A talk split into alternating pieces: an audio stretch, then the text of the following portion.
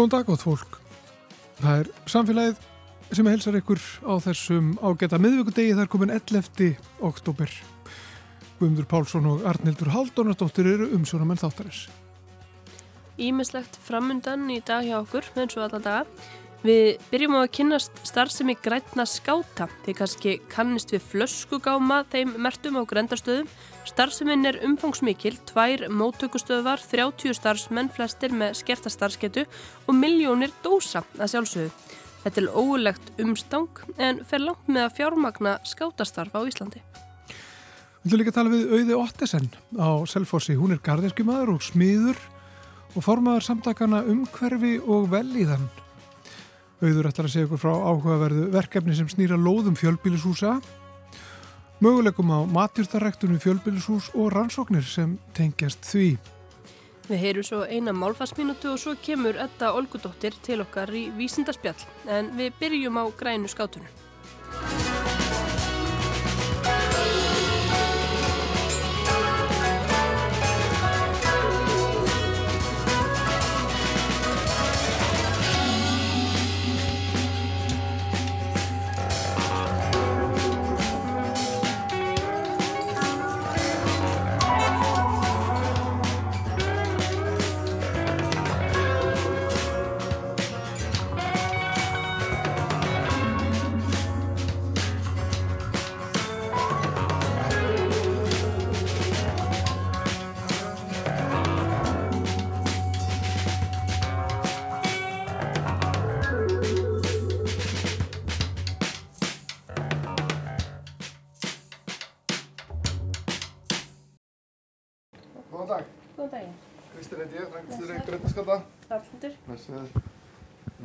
Blessaður.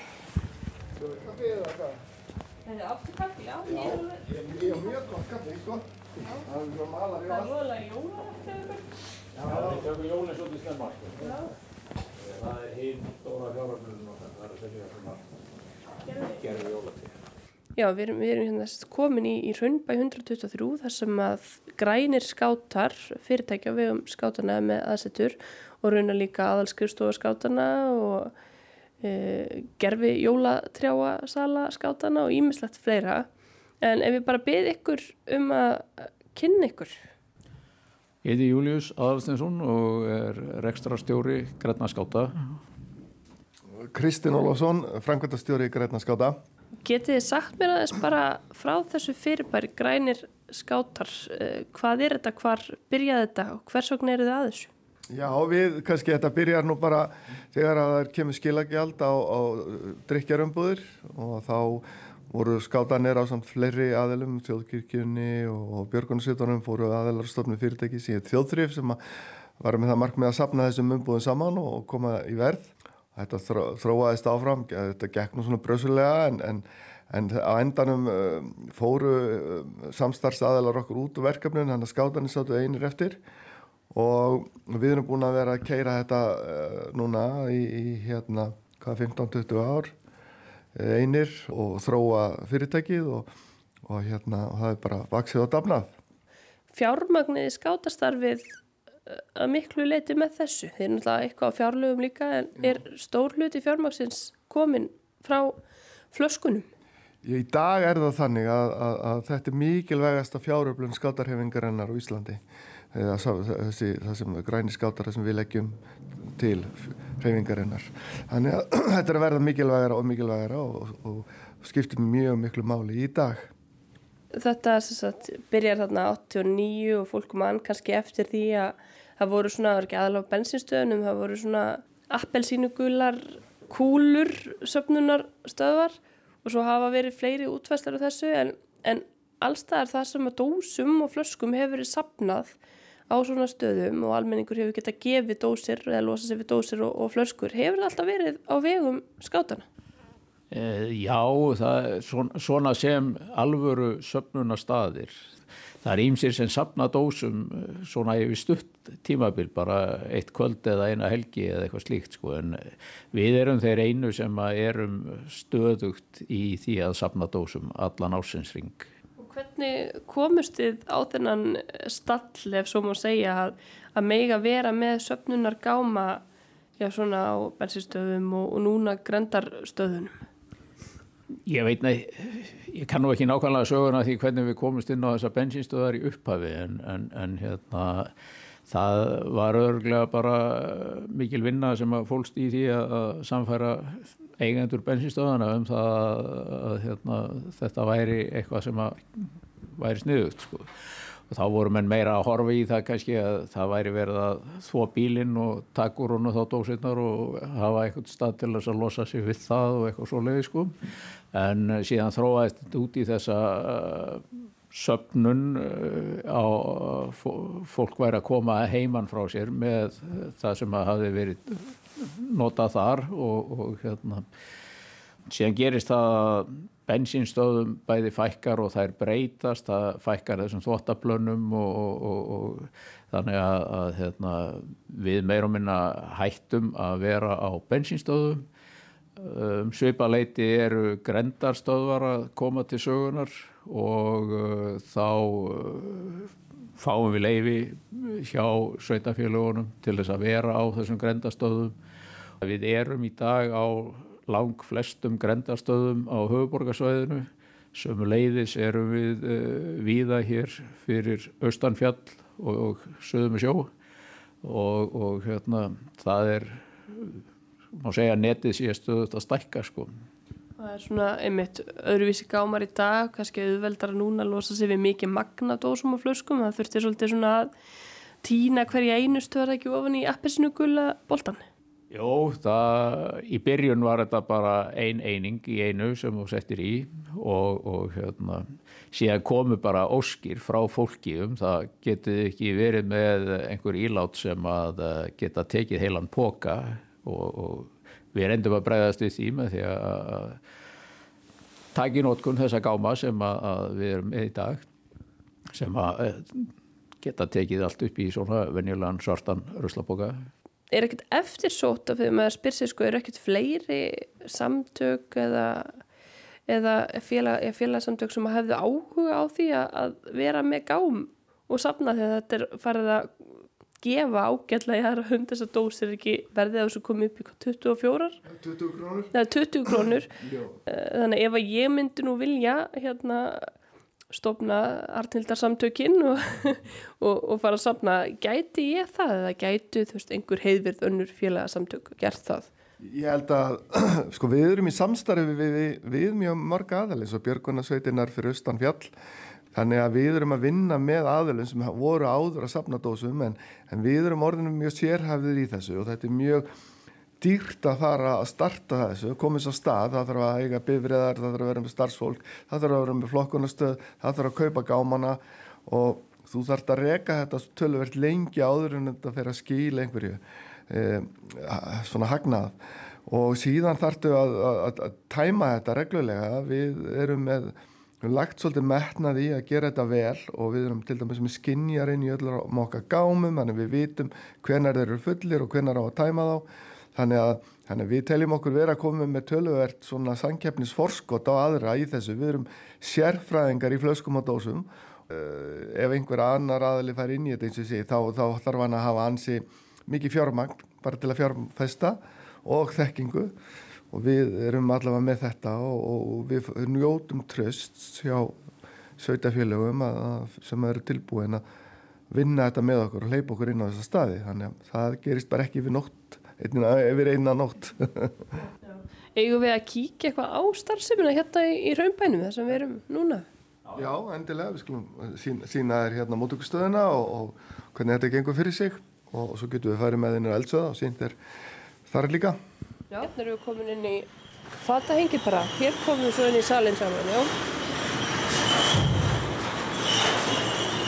Hér, hér, hér kemur almenningur með sína dósir og styrtar þeim hérna í þessi síló sem að svo fer þetta hérna einfyrir það sem þetta er, er flokka. Já, kíkjum inn í, inn í flokkunarsalinn. Þetta er náttúrulega ærandi háaði hérna. Svo Þau eru þetta flokkað í, í, í gler og plast og ál. Þannig að við erum með tölfur sem að lesa strikkamerki á þessu öllu og, og, og flokka þetta þannig rétt.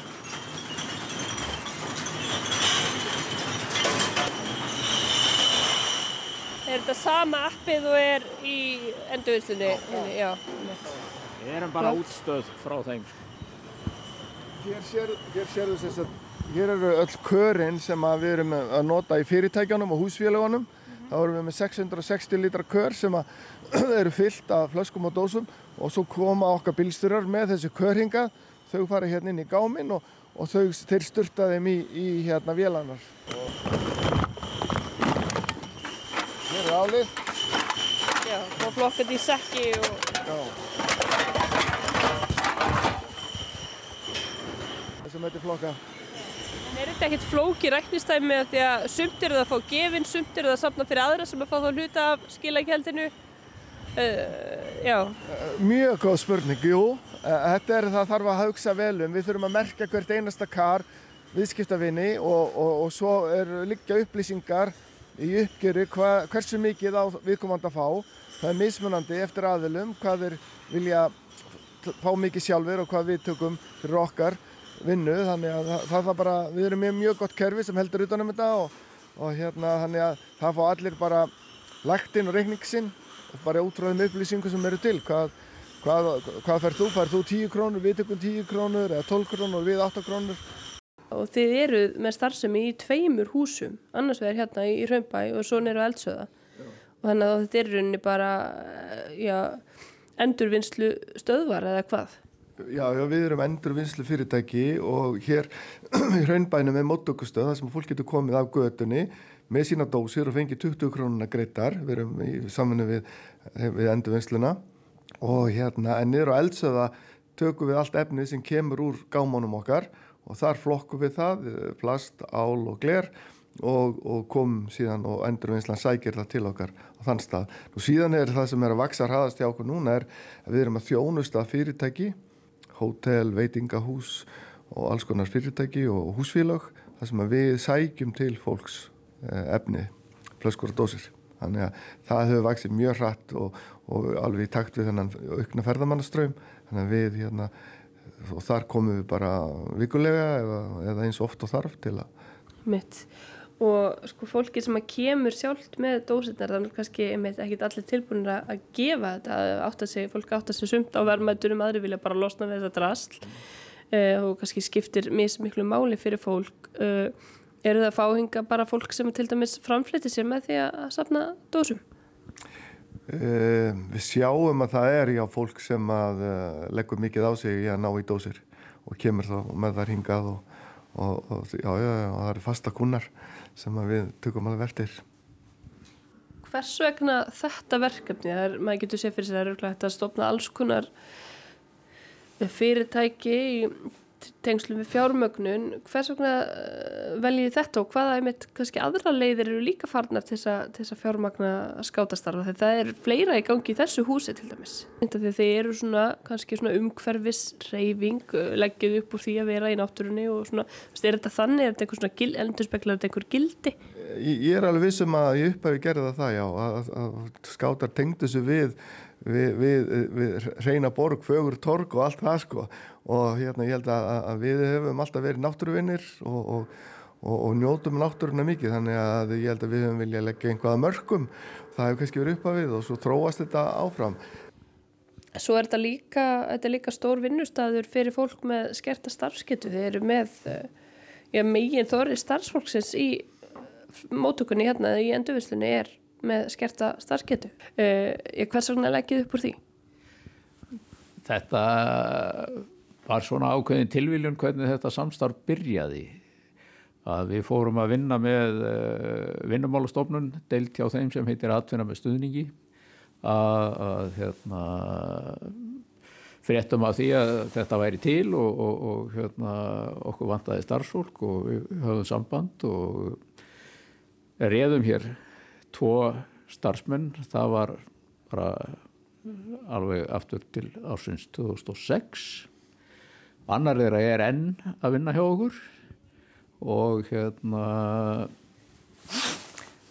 síðan hefur þetta þróast bara. Þeir, þeir eru yfirleitt með fjölda fólks á lista hjá sér sem er að leita að störfum og eru stöðut að, að, að spyrja okkur hvort að við getum uh, tekið við fleirum og fleirum og við þannig að þegar okkur vantar starfsfólk þá er þetta svona fyrsti staðurinn sem við höfum samband við til þess að kanna hvort að einhver sem að er á listanum hjá þeim uh, vinnan hendi viðkomandi sko og, og hérna og þetta hefur þróast þannig að, í dag eru við með yfir hvað, 25, 25 starfsmenn sem eru komni til okkar í gegnum þetta samstarf við aðtunum með stöðningi og, og hérna flestir eru í svona um það byl 50% starfi það eru þróast þannig að þetta eru allt strákar Hvað skýrir það? Ég, kannski húmórin á staðnum, ég veit það ekki en, en hérna það hafa nokkrar konur prófað en það verður engið þeirra ennst í starfi. Þannig að þær hafa ekki fundið sér í þessu verkefni sko. Þetta þetta, þetta verður sko svolítið samfélag sko. Þetta er þetta eru vegna þess að þeir þekkjast ekki bara í vinnunni sko. Þeir, þeir, þeir eru líka sko oft í einhverju félagsstarfi þar sem þeir hafa þekkjast líka sko. Þannig að þetta er svona mjög góður félagskapur sem við erum með hérna sko. Það ekki erfitt að tala saman fyrir öllu dósa og, og flösku glamrinu Jú, það er auðvitað ekki en þeir eiga sína kaffitíma og, og, og hérna, þá er spjallað sko. Það er bíl mertur grænum skátum. Og ég tróði mér í miðuna. Já, já, já. og hlut, heldar hluti okkur höfbruksæðinu er eitthvað 13% og það, það við erum með eina halv miljón, eina halv miljón umbúða sem fara í gegnum kerfi hjá okkur hérna upp í Hrömbæ á mánuði. Og kring 400 til 500 þúsund einingar hérna niður eldsöðu þannig að þetta eru 2 miljónir eininga sem við erum að flokka og telja yfir á mánuði. Og eldsöðin þar hérna þar kemur innvolsið úr söpnunagámanum á grandarstöðum Já, já, já, nákvæmlega. Og núna eru mikil umræða með flokkun og sorpi í heimahúsum og þess að þar og það sem við erum að kannski að reyna að berjast fyrir er að fólk hætti að henda dósum það eru alveg Er það bara 8 í dag sem þarf að hafa? já, það, já, það er alveg 15% af dósum enda í rusli Þetta er eldsöðu hérna sko, við förum eiginlega nýður fyrir hann sko. Við erum hér í þessu húsi. Þetta er nú bara, það er bara útsýni yfir hafið og, Já, og fjöllin og million dollar view sko million dollar view. Já. Hér erum við í, svolítið í friði, ja, það, er svolítið, það er uh, svolítið læti í starfseminni hjá okkur og það er svolítið gott að geta hérna verið hérna svona Það er ekkert verið að kvarta í hrundbænum yfir, yfir látum. Jú, það hefur Það hefur verið, já. Það er lítið vegna þess að sko, allt ef við snúum frá húsunum. Sko. Já, Við erum bara að passa okkur að vera ekki að vinna fram á kvöld. um mitt. Hér eru fiskikör bara með muldu Já, þetta, þetta gleri, er svona afgangar. afgangar. Svo kemur fyrir að það er bara ekkert til fyrir strókan að gera. Já, nú er bara, nú er ekkert að gera. Næsti bíl komi sko, með, Þannig að þetta er skorpu vinna. oftast er til eitthvað en það kemur fyrir að afkvöstin hjá þeim, þeir, þau eru nefnilega alltaf að aukast. Við höfum séð það að, að hversu mikilvægt er að hafa tilgang og hafa atvinnu við hæfi og, og, og við reynum að þjálfa einstaklingana upp og, og styrkja þeirra hæfileika og, við höfum séð hér bara einstaklinga sem hafa byrjað hjá okkur í mjög einföldum verkefnum en hafa síðan farið í fólóknari og erfiðari verkefni vegna þess að þeir hafa bara vaksið og, og þroskast og þróast. Þannig að til dæmis við erum með einhverjum einstakling hér sem er að vinnur við það að sækja flöskur hjá okkur og, og hann þarf stuðning og þá uh, fengum við starfsmann, stuðningsfulltrúa uh, í gegnum Reykjavíkuborg sem er að keirir bílinn fyrir hann uh, og með honum og hann er með skerta starfsgetu sá einstaklingur þannig að við erum með þarna tvo einstaklinga sem eru báðið með skerta starfsgetu en aðstóða og hjálpa okkur öðrum og, og ná þar að leiðandi frábærum árangri og, og standa sér mjög vel í vinnunni hjá okkur. Góðan daginn, hæ, ég er frá Rúf, frá Seitt, Sælir, má ég, má ég spjalla þess við ykkur? Hvað heitir þú? Ekkert. Hvernig er að vinna hér? Það er svona alltaf Búin að vinna hérna lengi? Hvað er þetta? Hlutunar? Vá, það er ágættist tími. Hvað með þig, ert þú búin að vinna lengi? Já, ég er friðþór. Ég er búin að vinna svona nýju, tíu ár. Hvernig er þetta? Bara ágætt. Hvernig er svona andin á, á vinnustunum? Hvernig er að vinna hér? Er þetta, er þetta stemming? Já, bara allt fint. Hvað heitir þú? Ég heiti Byggi. Ég er í Vilhelma Sýrason. Hvað finnst þér svona ánægulegast við að vinna þetta? Hver eru skemmtilegustu verkefnin?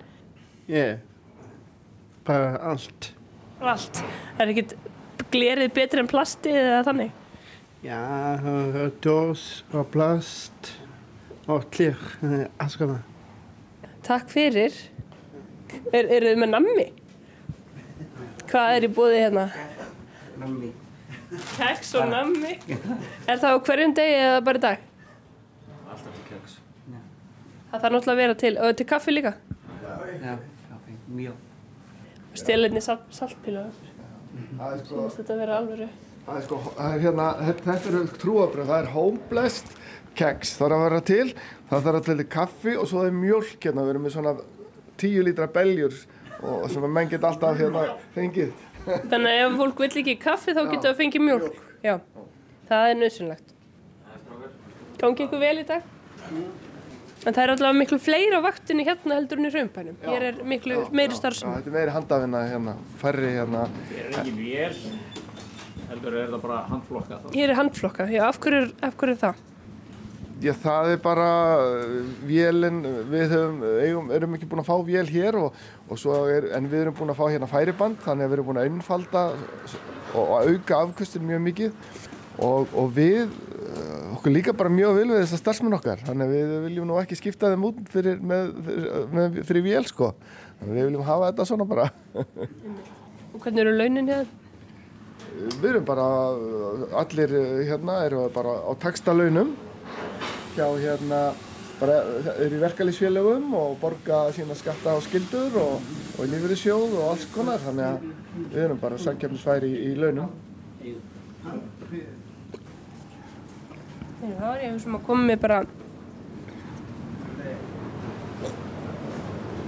Þú bara að koma að bílar með efni og, og, og þetta kemur hér, þetta er hérna færibandina sem framleitt í hjá, frá Marel og, og, og afar ný, nýtískulegt þannig að þetta mókast allt hérna inn á bandið og þeir standa hérna starfsmenninir og flokka, það er plasti hérna meginn, áli hérna meginn og gleri kemur hér á endanum. og skrifa alls konar skemmtilega skilabóð hérna á veggina. Já, já, já. Allt flokkar rétt. Og stórir eða astnalegir sekkir.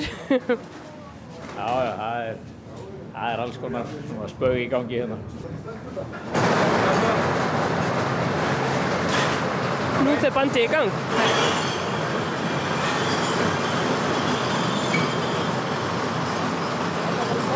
Flokka þetta. Hvað verða þið lengi með þetta hol? Þetta klárast á hálftíma. Eh, Þannig að það eru mjög, það er bara mjög góð afkost. Frábært. Takk fyrir að sína mér þetta og, og hérna, kynna mig fyrir, fyrir starfsfólkinu líka. Bara okkar ánægðan.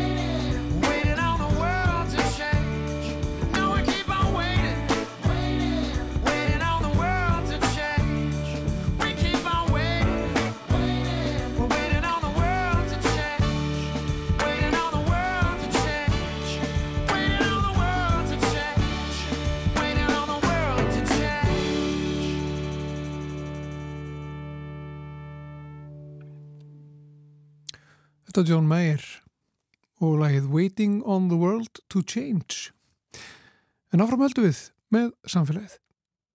Og þá erum við komin samband við Selfoss og uh, þar situr auður Ottesen, hún er garðkifræðingur og smiður og rítstýrir uh, tímaritinu Sumarhúsið og Garðurinn. Hún er líka formað samtakana umhverfi og velíðan. Hvað er sæl auður? Sætlablessaður. Ég var að byrja kannski á að velta fyrir okkur bara þessum, þessum samtökum umhverfi og velíðan. Já, þau voru stofnuð 2005 og á þeim tíma var uh, Páll Líndal að fara í, í hérna námi í umhverfisálafræði doktorsnám. Anna María Pálsdóttir var í sama námi og uh, þetta var svo áhugavert. Eh, Mér þótti þetta svo áhugavert og ég þekki þau bæði. Þannig að, ég brann fyrir því að þau höfðu eitthvað að gera þegar þau kæmi úr námi. Og, og þar sem ég er búin að vera lengi í þessu bransa þá þekki ég fjöldan allar fólki sem hafði sa- áhuga á því sama og það myndaðist mjög fljótt stjórn og þau voru að hluta til uh, bæði í stjórn en voru annar var í Ástralíu og hinn í Svíþjóð. Þannig að við fórum á stað með þetta verkefni og það stuðlaði að því að fleiri fóru til náms. Það var verkfræðingur og landslagsarkitekt sem að skelltu sér í, í mas- mastersnám til Alnarp í Svíþjóð í þessu, þessu fæi. Umhver og heilsa hétt það nám. Og svo kom fólki til starfa og, og svo 2012 þá var Páll komin heim, Anna María kom heim og fór svo aftur til Svíþjóðar og, og hérna og þá var bara allt komið á flegi ferð og þessi samtök, það var svona sjálfur sér ekki þörf fyrir þarna tímbili. En núna er, er, erum við að vinna svolítið aftur og erum með ímis hugðar efni Já, sem við erum að vinna að. Já, Og Páll Vindal er náttúrulega hér á, á landi og er, er, er vinnur á ymsu verkefnum og er búinn að koma að þessu námi inn í Háskólanum Reykjavík. Þannig að ég er ekkert nema brosið og blíðan, sko. já. Og hlustendur samfélagsins þekkja Pál Líndal auðvitað af góðu einu, hann er hér með, með pislæði mitt uh, hjá okkur reglulega hér uh, í, í samfélaginu. En mér langaði að, að spyrja það aðeins út í verkefni sem að, að þú hefur á samt fleirum verið að, vinna að sem er kallað Garður nokkar. Já. Getur sagt okkur aðeins frá því?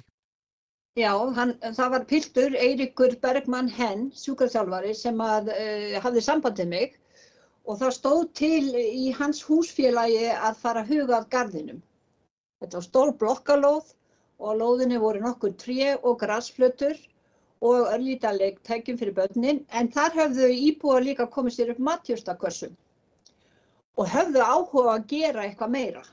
Uh, þannig í þessari blokk er fólk sko, uh, það er öllum, öllum aldri, það eru, þú veist, uh, fjárhæðurinn er misjafn og staða þeirra misjöfn og það er líka þarna svolítið af útlendingum og, og svo eins og er gerðnan í blokkum þá er fólk ekkert alveg að kynnast. Það, það eh, veit kannski ekkert hvað hinnir heita eða, eða þess áttar sem er mjög algengt í, í blokkum og heldur sér svolítið fyrir sig. Og þarna var virkilegu vilji, Eiríkur er ungur maður og það eru fleiri á ekki, svona 30-40 sem virkilega brenna fyrir því að gera eitthvað. Og ég var kölluð til út af því að ég er, er hérna, garðekjufræðingur og hefur þessa smiðsmyndun og þá var það hugmyndin að eh, verkefni yrði unnið í samvinnu við íbúa. Það yrði fræðsla, það yrði hugmyndavinna og sem leiti svo að sér framkvæmt og þá helst að íbúatinn tæki þátt í henni og með áherslu á að nota garðin til samverustunda til þess að kynnast. Það væri þar eh, staðir sem að börni geti leikið sér, jafnvel staðir þar sem fólk geti verið bara í einveru og svo líka eh, hérna fannst mér mjög skemmtilegt að það var áhugi hjá einum íbúinum að fá stað til þess að geta hérna makað einhvers konar fytu á, á bretti, svona brímbretti. Þannig að þá strax komna svona ákveðnar kröfur, ákveðnar hugmyndir og þetta er ákveð, það er búið ákveð að vinna að þessu verkefni og svo það sem meira er að gera svo rannsókn. Eh, Það er kona þannig blokkinni sem er með háskólamöndun og kann til verka á því sviði. Og, og það er áhuga fyrir því að, að kanna eh, vilja fólksins. Og, hérna, og fylgja svo eftir uh, sko, með, með rannsókn. Hvernig þetta hefur áhrif á velíðan, hvort þetta skiptir einhverju máli. Og líka veist, hvað, hvað áhrif þetta á börnin og aldraða og, ímis fleiri atriði sem að verða skoðuð. Og það sem að Eiríki fannst svo grá upplagt að því hann er, uh, hefur verið mikið í nýsköpun í, þá í, í hérna, heilbríðiskeirunum að því hann er sjúkraþjálfari. Og honum fannst alveg grá upplagt að, að þetta mótel yrði svo nota til þess að uh, yrði nýtt uh, fyrir aðra fjölbýlishúsagarða og, og væri kynnt húsfélögum og við færum þá þar með jafnvel fyrirlestra eða tækjum að okkur þessa sömu vinnu, þessa hugmyndavinnu, þar sem íbúarnir væru kallaði til verka. Því það er nefnilega sko ofta fyrsta sem kemur upp, það er, eh, þetta kostar mikið, það er ekki það, það fyrst að, að, að fínir sér alltaf lagnir og húsið og utan og garðurinn hefur gerðan verið afgangs og, og, og blokkagarðar Ég held að það sé alveg gríðarlega margir hektara land sem eru ónýttir Mhm. og það er það sem okkur langar líka að kanna á höfuborgarsvæðinu. Hvað er rauninni er mikið land þarna bara sem er grasflötur? Kannski væri bara hægt að vera með eitt risa kúabú í, á höfuborgarsvæðinu og nýta landið þannig. Við erum oft, oft óttið það í hug. En við okkur langar að, að fara á, á, á stað. Við erum að afla okkur upplýsinga og ég er náttúrulega er búin að vera í þessu bransa svo lengi og, og komið að garda hönnun og þess áttar og fylgst með mjög mörgum blokkalóðum. Það eru fáar sem eru teiknaðar af landslagsarkitekt. Eh, Það eru, það eru nokkra blokkir sem eru með leiktækjum fyrir börn og það er þá aðalega tré og sta- stangli og hérna og svo er núna síðust ár, allra síðust ár þá er unga fólkið að gera kröfum að geta rækta matjustu. Það er aðalega fólk á aldurinu svona 28 og upp í 45. Ég hef búin að taka nokkur viðtöl við eh, fólk sem að vill virkilega rækta og það er á nokkur stöðum og bara með góðum árangri. En þá er það oft byggir það bara á einhverjum örfáum sem eru þessi sem hafa áhuga, eru drífandi og skapandi en, en oft hlutleysi. En í einu tilfelli sem að ég var að fregna við í Hjarðarhagi Reykjavík að þá er alltaf æ fleiri kassar sem eru byggðir, eh, þetta búið í nokkur ár og það fjölgar matjústakössunum en það eru óskup lítið eftir að grasi á þe- þeirri lóð. Og þeir sem taka ekki þátt, þeir geta hort og það, það er líka veljan sem felst í því að horfa Mhm. og, og þannig njóta. Já, Þannig við erum, við erum umhugað um þetta en svo líka viljum við stuðla rannsóknum og höfum áhuga að gera það í samvinnu við fagfólk og erum þegar farin að vinna þá vinnu. Páll Lindahl er, er búinn að sitja fund með okkur og, og, og fleiri úr háskóla, hérna, eh, háskóla Íslands eh, og uh, okkur langar að fara svolítið í tölfræðin í þessu og gera þá frekar rannsóknar því það er svo nöðsynlegt að geta sínt. Ég veit alveg að, að, að það er ekki mikið samskipti í blokkonum. Ég veit líka að, að, að fólk er valla að fara út í garð og það er ennþá sem ég hef heyrt uh, hrópað út og glugga á blessu börnin krakkar, farið að grasinu og þetta er alveg til. Ég hef með þessu upplifið þetta einu sinni en það er nú 30 ár síðan að ég upplifið það sjálf og þá voru mín börn á einhverju, einhverju hlaupum á grasinu og það þótti ekki askilegt. En það er nú svolítið að minka en, en fólk vil vera svolítið friði, það virðist mér vera og, og hérna, og Íslandika núna sendið sérstaklega eftir kreppu þann, þá er fólkið ekki tilbúið að leggja á sig eh, vinnu, það vil bara fá að njóta, helst fara í jóka og, og hérna Eh, en ekki leggja eitthvað að mörgum, held bara að kaupa allt. Og, og, og hérna, en, en, en hvernig getur maður breytt þessu? Okkur er svolítið umhugað að, að, að breyta þessu og fá þá til liðs við okkur uh, fullt af fagfólki, svona þverfaglegt, ekki bara í grænagerðum, heldur líka í heilbyrðisgerðunum og, og verkfræðagerðunum og, og þess áttar. Og það er það sem er náttúrulega umhverju veljið að gengur svolítið út á þau samtök að, er að, að þessi hópar allir vinni saman. Já. Þannig að ég held að við séum að fara að stað með farsalt verkefni, ég held ekki, ég er alveg viss, og það sem er svo merkilegt við að, að við, þetta er svo vel tekið. Við erum komið fjölda af nöfnum sem vilja vinna með okkur að þessu og, og hérna aðstofa okkur við þá sækjum styrkja því þetta getur orðið vinnufrekt og, og í þeim dúr um, og til þess að leiða til góðst í þessu málu. Sér þið bara fyrir þér sko, ef við náum bara einu prósendi af uh, hérna blokkalóðunum þar sem erum rækta grammeti, hvað það myndi vera skapa mikla velíðan og það er líka þetta með ræktun, það er þetta dásamlega að, að halda á því sem maður gerir sjálfur. Maður veit hvað það kemur og það sem maður gerist að, að, að hérna, uh, þú fylgist með og þú ferður til garð. Og ég, í 30 ár hef ég verið gift manni sem að uh, hafði ekki neina insýn inn í garðirkju eða gróður en okkar líf er auðvitað þannig að við göngum alltaf eitt hring í garðinu með öðru hvoru og skoðum nánast hverja plöttu. Hvað er þetta? Mm -hmm. Ég átti aldrei vonað þessu. Mm -hmm.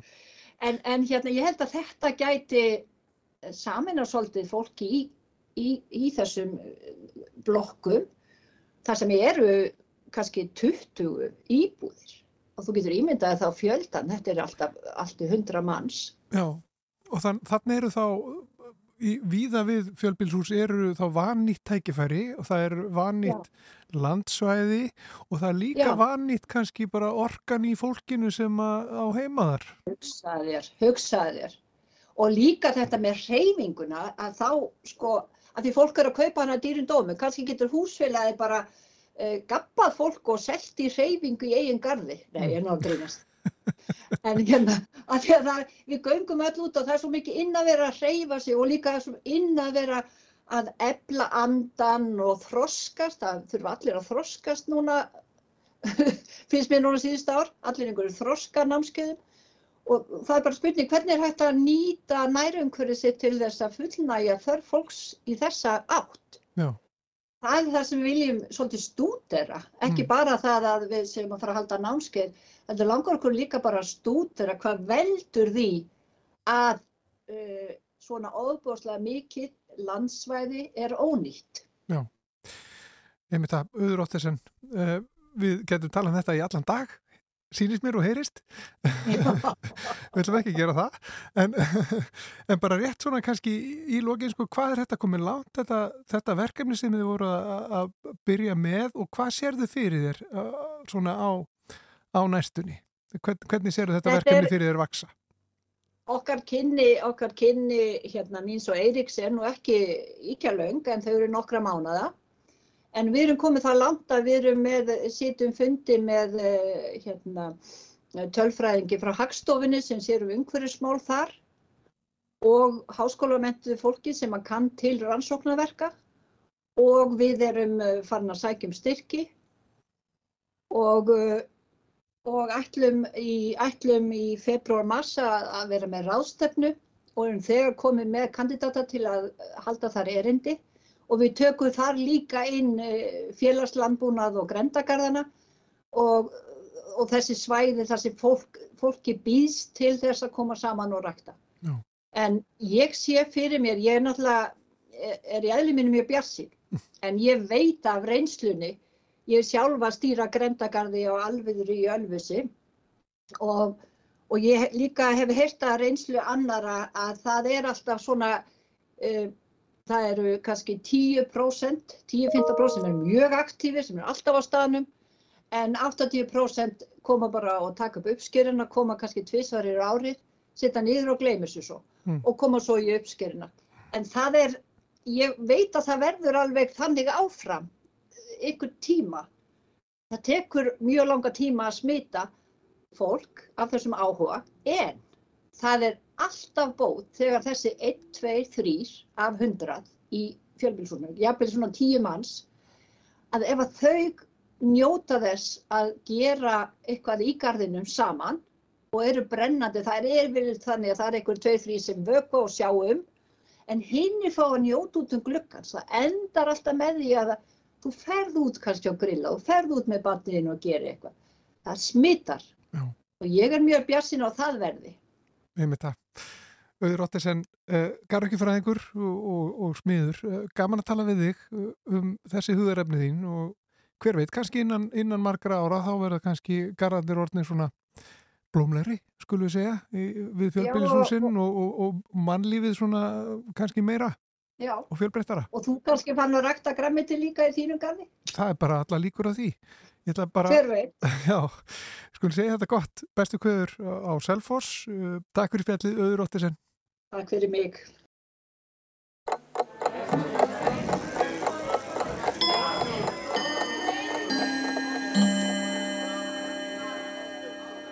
Sögnin að díla er mjög algengi í talmáli. Íslensk risa málheild geymir þúsundir dæma um hana, meðal annars úr fréttatímum Bylgjunar, Stöðvar 2 og Ríkisúttarpsins. Og raunar virðist sögnin koma oft fyrir í flestöllum veðmiðlum. Díla tilherir óformlegu máli en kemur engu að síður fyrir í ræðum allmargra alþingismanna. Á alþingi virðist orðasambandið að víla og díla reyndar hafa verið geysi vinsælt um tíma. Sögnin að díla var algeng á samskiptamiðlinum bland.is. Elsta dæmið þar er frá 2001 en það nýjasta frá 2021. Aðrir samskiptamiðlar fóstra þetta orði líka og af þeim nýri virðist að vera vinsælast á miðlinum sem áður hér Twitter en kallast nú X.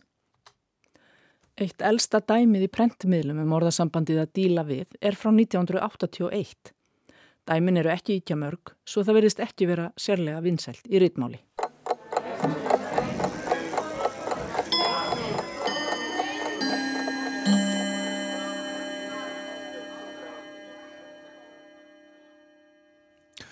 Og það var Anna Sigriður Þráinsdóttir Málfarsráðunötur sem að flutt okkur uh, Málfarsmínútuna. En þá er að sestja okkur hún Edda Olgudóttir komin í sitt reglubundna vísindarspjallur. Þú velkomin til okkar. Takk fyrir. Sko, það, nú er það bragð, Mm -hmm. brauð, Já, ég- tabli. brauð, tafli.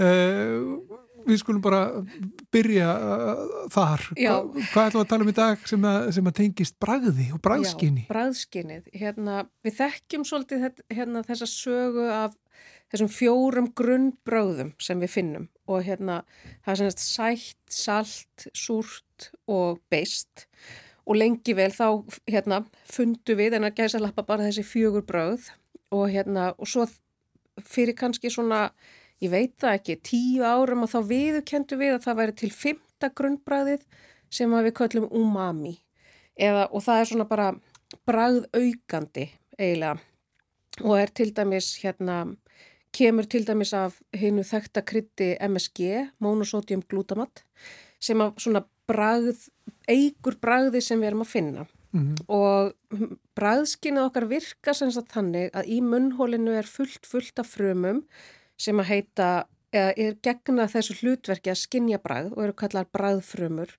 og þær eru nokkrum, þær til nokkrar típur af bræðfrumum og svo eru þær með mismunandi viðtaka og viðtakarnir stjórnaði sem sagt hvaða bræð við finnum eftir því hvaða matur kem, hérna kemur upp í munnin.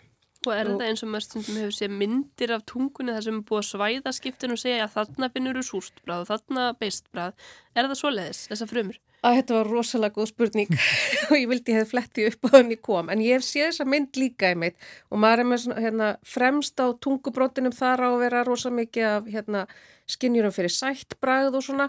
Og sennilega er þessu, er þessu skipt svolítið svona upp. Þannig að tjáningin er mismunandi eftir hvar þú ert í munnhólinu en svo vitum við líka að það er ekki þannig að þegar við borðum að þá finnum við bara hérna já, hér er súrt og hér er salt heldur finnum við sko miklu flóknara bragð og það er náttúrulega bæði vegna þess að það er verið að spila á marga viðtaka og svo er líka bara verið að spila á sko aðra skinnjun eins og lyktarskinn og, hérna, og sjónskinn líka þannig að við erum að finna, við skinnjum bragðið á miklu flóknari hátt heldur en bara nákvæmlega með þessum viðtökum.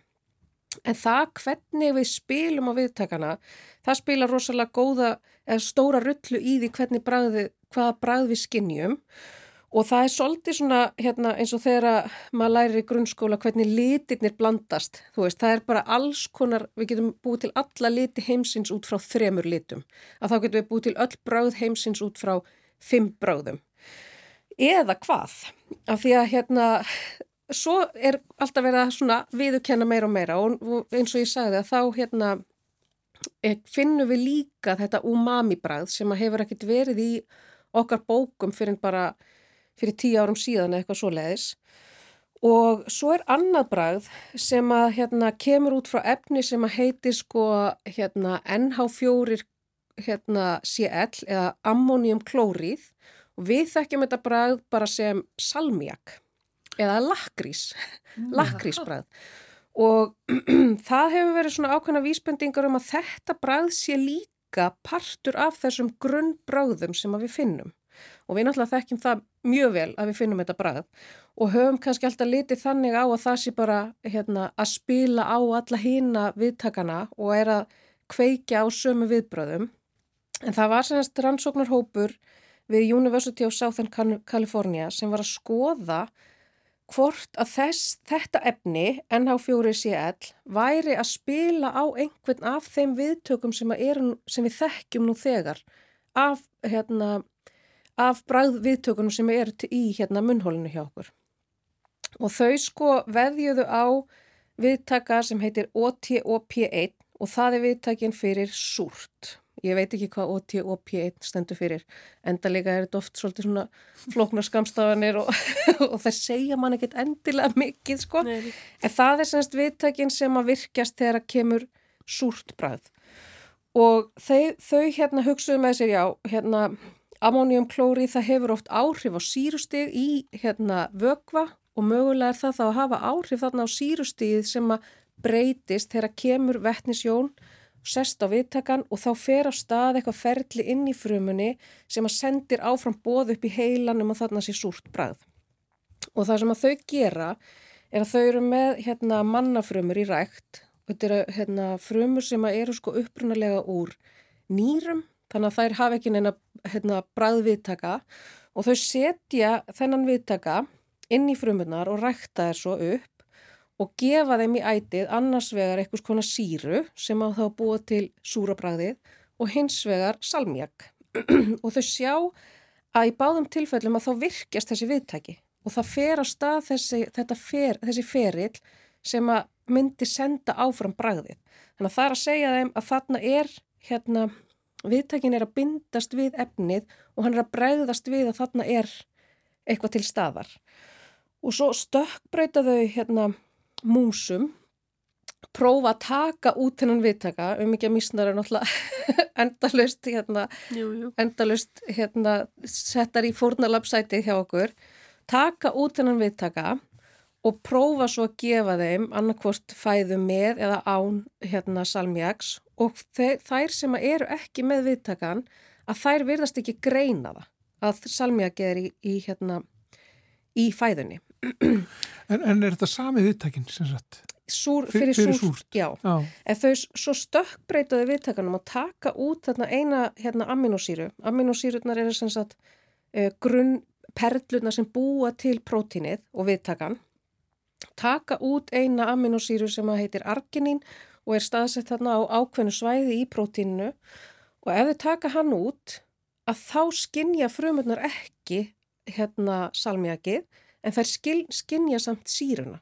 Þannig að það er hérna ákveðin bygging í viðtakanum sem að virðist vera mjög sértæk fyrir nákvæmlega þetta bragð til þess að við séum að skinja það.